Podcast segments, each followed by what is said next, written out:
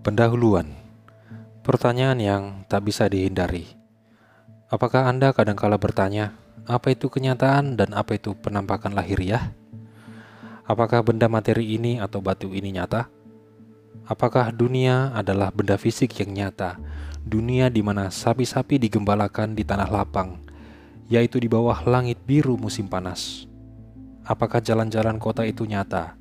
Toko dan gedung perkantoran antrean mobil dan bus, orang-orang yang memenuhi trotoar, pesawat besi raksasa berdesing menembus kumpalan awan kelabu di atas kepala kita. Apakah kenyataan hanyalah partikel-partikel zat dalam gerakan tanpa makna, berakhir dalam kematian, kematian seorang individu, dan dalam kematian menyeluruh sistem tata surya ini? Atau apakah segala kenyataan fisik ini hanya permukaan yang tampak bagi indera? Dan sejauh ini hanya ilusi? Apakah kenyataan itu untuk dicari di tempat lain, di alam pikiran dalam kebenaran abadi seperti perdoman hidup, atau dalam kebijaksanaan dan tujuan Tuhan?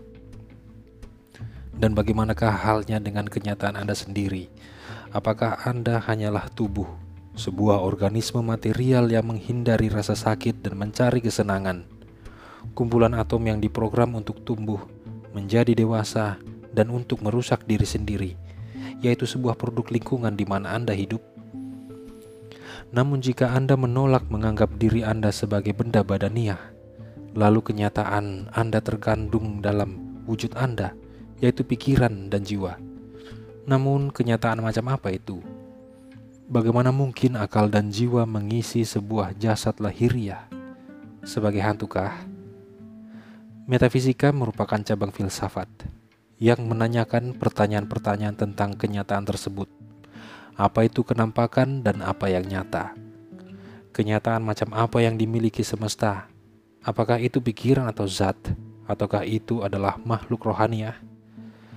Kenyataan macam apa yang Anda miliki sebagai sesosok manusia? Ini merupakan persoalan yang ditanyakan metafisika. Apakah Anda kadangkala bertanya, apa yang bisa kita ketahui? Apakah ada kebenaran yang bisa kita yakini? Apakah sebuah pertanyaan atau pernyataan benar hanya jika didasarkan pada apa yang bisa ditangkap indera? Pada apa yang bisa Anda lihat atau Anda sentuh?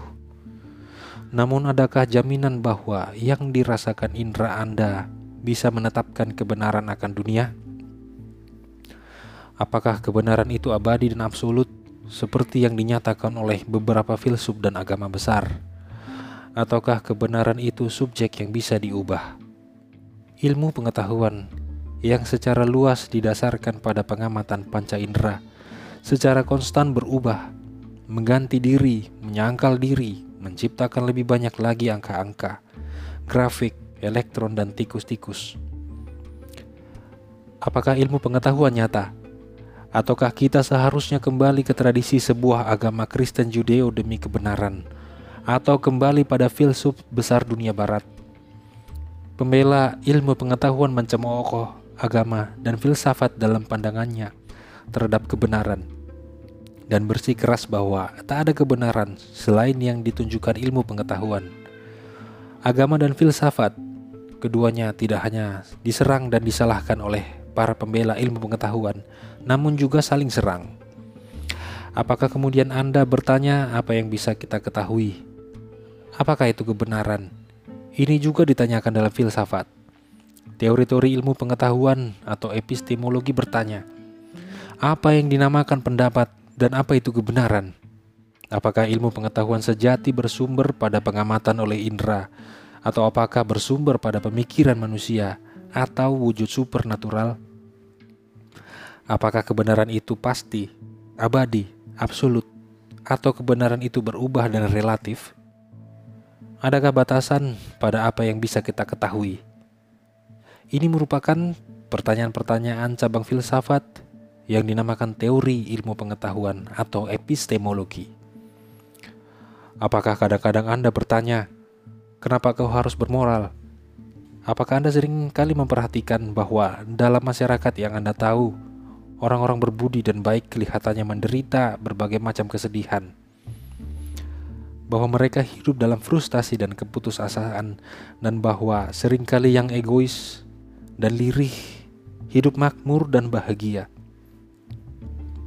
Lalu, kenapa tidak hidup seperti playboy saja, di mana kesenangan merupakan kelemahan tertinggi kenikmatan hidup yang menyenangkan dari makanan, minuman, seks, narkoba, dan segala rangsangan tubuh yang bisa dilakukan. Namun jika kenikmatan hidup tidak bisa lagi dianggap yang paling enak. Kemudian, apakah Anda bertanya, kalau begitu, apa yang paling enak? Apa yang layak ditinggalkan? Paling layak diperjuangkan? Apakah jika ada yang saat ini bisa dikatakan baik atau buruk? Standar apa yang bisa kita pakai untuk menghakimi bahwa sebuah tindakan itu salah? Banyak orang bertanya, siapa yang berhak mengatakannya? mereka mengekspresikan pendapat halayak luas bahwa kita tidak memiliki dasar penentu atas penghakiman moral, dan karenanya tak ada seorang pun yang bisa berkata bahwa suatu tindakan itu salah. Apakah segala standar tentang yang baik dan buruk, tentang apa yang menciptakan kehidupan pribadi yang baik, atau masyarakat yang baik merupakan ketidakpastian belaka? pada individu atau pada kelompok sosial tertentu, menambahkan tak lebih dari kebiasaan atau kecurigaan, serta hanya melayani kepentingan dan kebutuhan individu atau kelompok. Ini merupakan pertanyaan-pertanyaan cabang filsafat yang dinamakan etika. Etika bertanya, apakah kebaikan tertinggi bagi manusia? Apakah kebaikan absolut? Apa makna baik dan buruk dalam tindakan manusia? Apa kewajiban kita? Tidak ada tanya kenapa harus bermoral. Apakah Anda kadang-kadang bertanya, pemerintah macam apa yang terbaik? Anda tidak bisa mengelak dari pertanyaan seperti apa yang dinamakan pemerintahan yang paling baik pada saat Amerika Serikat bertempur dalam perang yang gagal menghentikan komunis Vietnam Utara dan mengambil alih Vietnam Selatan. Sekarang itu telah usai, dan Vietnam Selatan menjadi negara komunis. Pertanyaan tertinggal adalah apakah demokrasi merupakan bentuk terbaik pemerintahan di dunia sekarang? Apakah totalitarianisme komunis merupakan yang terburuk?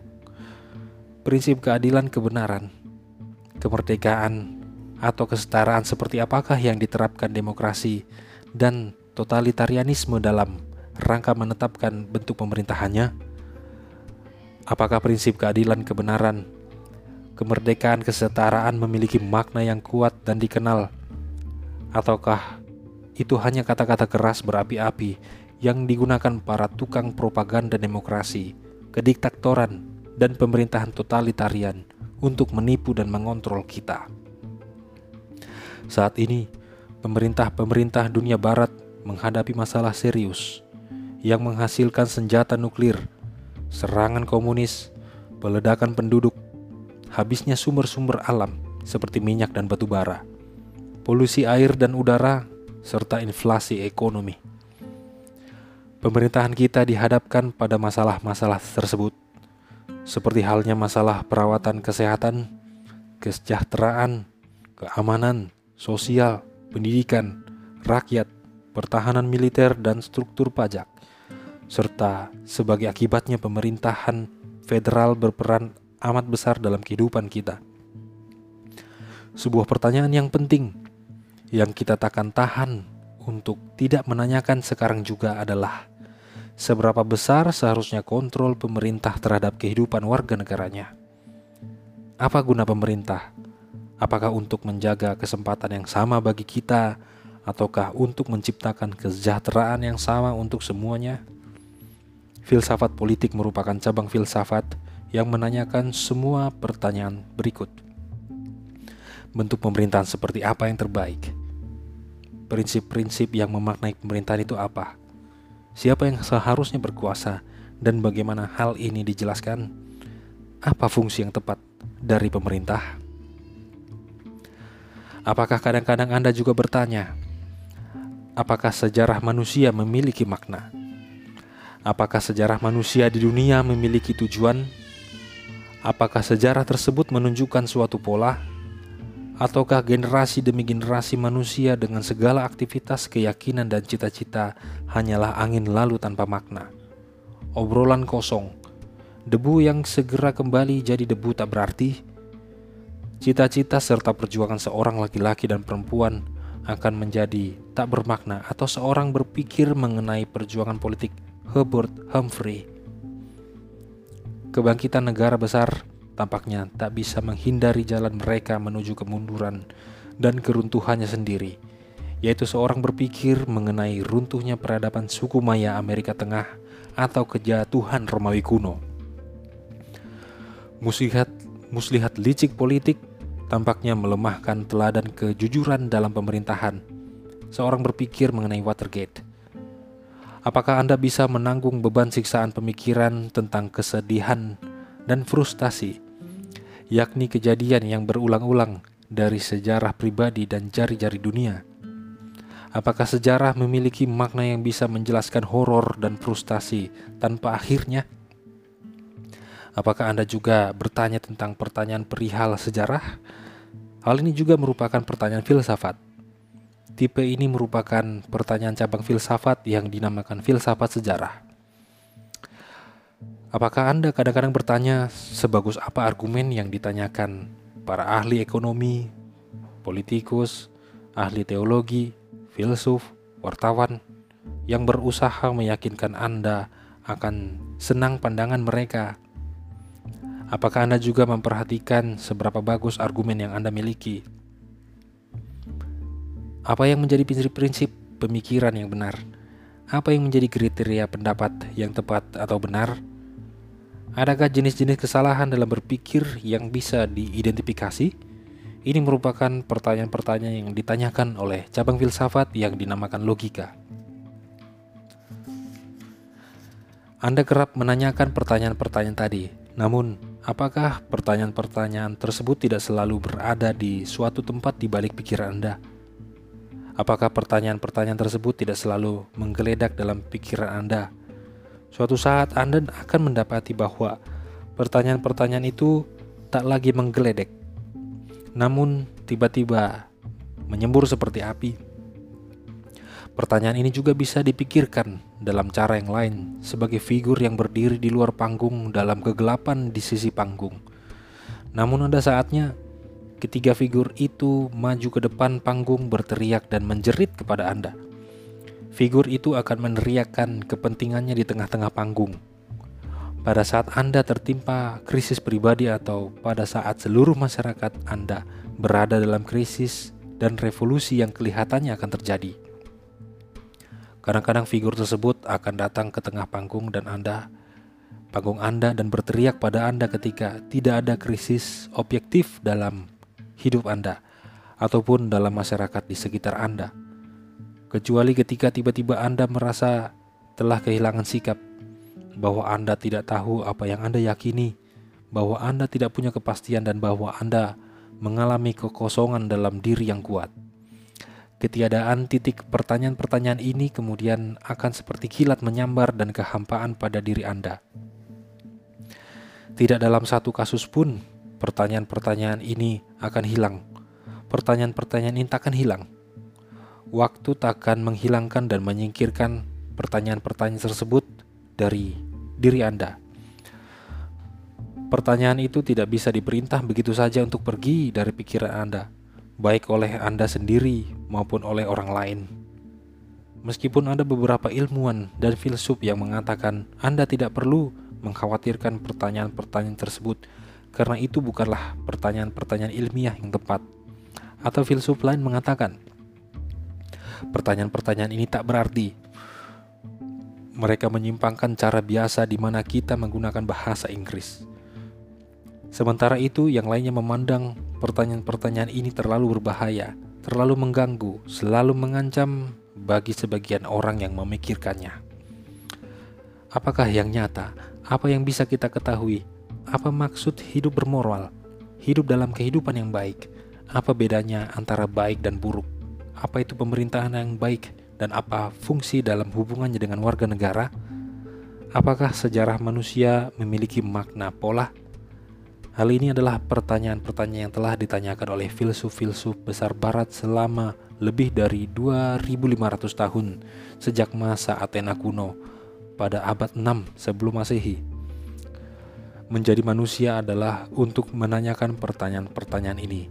Jika kita manusia hanya benda badaniah, jika kita hanyalah sekumpulan atom yang tak berarti, meski begitu berarti kasusnya adalah bahwa kita ini merupakan satu-satunya kumpulan atom di semesta ini yang bisa berefleksi pada semesta dan bertanya, apa yang nyata dan apa arti bermoral itu? Bisakah Anda bayangkan sebuah dunia di mana tak ada lagi yang menanyakan pertanyaan-pertanyaan filosofis? Tak ada seorang pun yang berpikir filosofi itu akan menjadi sebuah dunia di mana tak seorang pun yang menembus alam bawah pikiran, alam bawah nyata kehidupan sehari-hari untuk berpikir mengenai apa yang nyata, benar, bernilai, pasti, dan berarti dalam kehidupan manusia. Itu akan menjadi dunia yang berisi lelaki, perempuan, dan anak-anak mekanis yang bergerak di antara benda-benda fisik sebuah dunia di mana kita akan menjadi manusia kosong, bergerak dalam gerakan tak berarti, dan omongan kita akan menjadi obrolan kosong. Tak ada yang ditanyakan karena hal tidak lagi bermakna dan tak perlu ditanyakan lagi. Namun para filsuf dunia barat bukanlah orang-orang yang kosong. Mereka terisi dengan vitalitas yang mengagumkan dan keyakinan diri yang menjadi dasar nilai dasar untuk mengemukakan pertanyaan-pertanyaan di atas dan menjawabnya dengan cara mereka sendiri. Dalam buku ini, kita seharusnya memperhatikan enam filsuf filsuf besar peradaban barat. Plato, Descartes, Hume, Hume, Hegel, Marx, dan Sartre. Masing-masing filsuf menyerahkan ke seluruh hidupnya untuk menggali pertanyaan-pertanyaan filosofis yang tak bisa diubah dan membacakannya dalam caranya sendiri untuk menanggapi pertanyaan-pertanyaan tersebut. Mari kita awali dengan Plato.